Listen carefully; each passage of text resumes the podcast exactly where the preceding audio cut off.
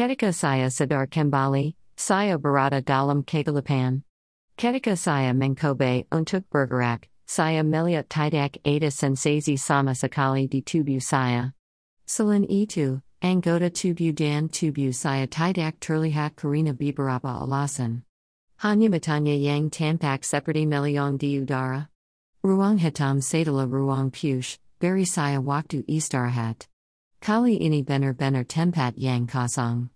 Saya terjebak karena saya tidak bisa bergerak. Saat saya bertanya-tanya apa yang harus saya lakukan, sebab cahaya bersinar ke depan. Cahaya yang berkilauan tampak seperti nyala API. Apa itu? Saya memperhatikan cahaya. Idu adalah satu satunya perubahan dalam kegelapan. Pasti ada artinya ini. Ketika saya memasakkan kesadran saya, saya mendekati cahaya shola olah terstat. Tanpa bisa melawan, saya terjun ke dalam cahaya. Dash dash.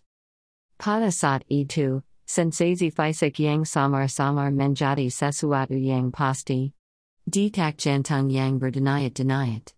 Saya juga bisa bernapas. Aku dengan lembut membuka mataku. Pepohonan lebat terserman di bidang pandang saya.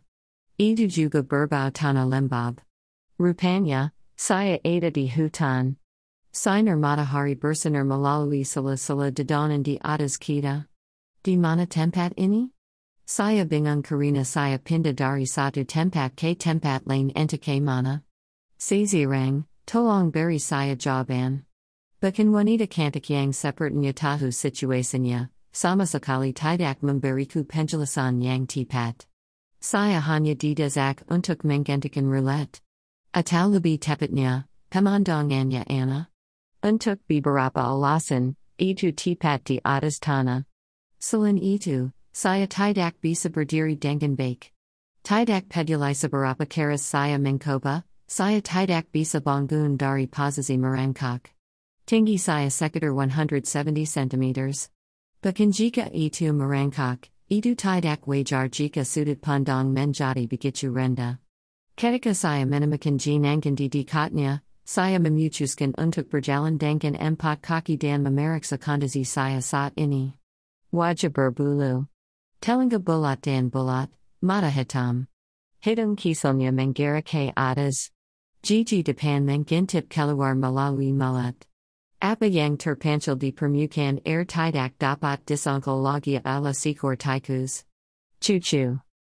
Tian mensisit, mensisit aku menyadak mochi abu abu kesel idu dan terkjut. Suara bernada tinggi terdengar. Sekali lagi, melihat lebih dekat, saya masih bisa melihat sikor taikus. Tidak dirigikan lagi anila saya. Kenapa kamu terlihat seperti ini? Ketika saya terpana oleh jadian yang mengejutkan itu, sebab pengumuman Buitenberg di otak saya. Greater than jala yang didapat dominisi I. Greater than jala yang didapat replikasi I. Greater than jala yang didapat infeksi I. Greater than jala yang didapat kepengikutan I. Greater than jala yang didapat deteksi bahaya I. Saya sudah sibuk dengan informasi yang berlebihan. Ataku yang malang tidak bisa menggatasinya lagi. Namun, perkama saja menyerah di sini. Saya harus menemukan jawabannya. Cucu. Aku menggerang dan berpikir dengan tubuh tikus. Saya terbuna dalam sebuah kesalahan, dan terbangun sebagai tikus di hutan yang tidak diketahui. Jika teori bahwa itu mimpi ditolak, Hipotesis adalah benchiknya. Apakah saya mati dan bereinkarnasi? Ini cerita yang hila, tapi saya rasa itu masuk akal. Konsep reinkarnasi kadang-kadang muncul di game dan manga yang pernah saya lihat di masa lalu. Kenyataannya adalah selama saya memiliki tubuh tikus, beta papan galanya hipotesis tersebut, tidak dapat disangkal tanpa berpikir. Jadi saya ingat roulette yang dibuat oleh kandahan di ruang push itu. Hasilnya adalah virus. Melihat kembali sekarang, aku bertanya-tanya apakah itu sesuatu untuk memutuskan keberadaan seperti apa aku akan bereinkarnasi, tidak, itu Anna. Aku menjelangkan kepala dan bergerak. Tubu ini adala taikus tidak peduli bagaimana onda melihatnya. Itu tidak terlihat seperti virus. Virus itu pasti bukan makhluk hidup. Tidak, tunggu? Ketika saya hendak menyangkalnya, saya memperdalam penalaran saya lebih jauh. Aku sudah sejauh ini dan enta bagaimana mengerti. Pengumuman misterius yang dibuat di otak saya barusan adalah tentang jala dan kemampuan menular. Dengan kata lain, saya berinkarnasi menjadi virus dan sekarang saya mengambil alih kesadran sikor tikus.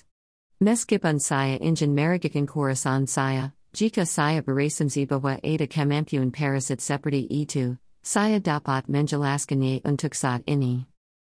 Begitu saya mengkapai kesimpulan itu, saya hanya bisa memikirkan satu hal. Virus yang dapat menjadi parasit dan memanipulasi tubuh adalah yang terbaik. Saya senang. Saya tidak pernah menyangka akan diberkati dengan kesempatan seperti ini.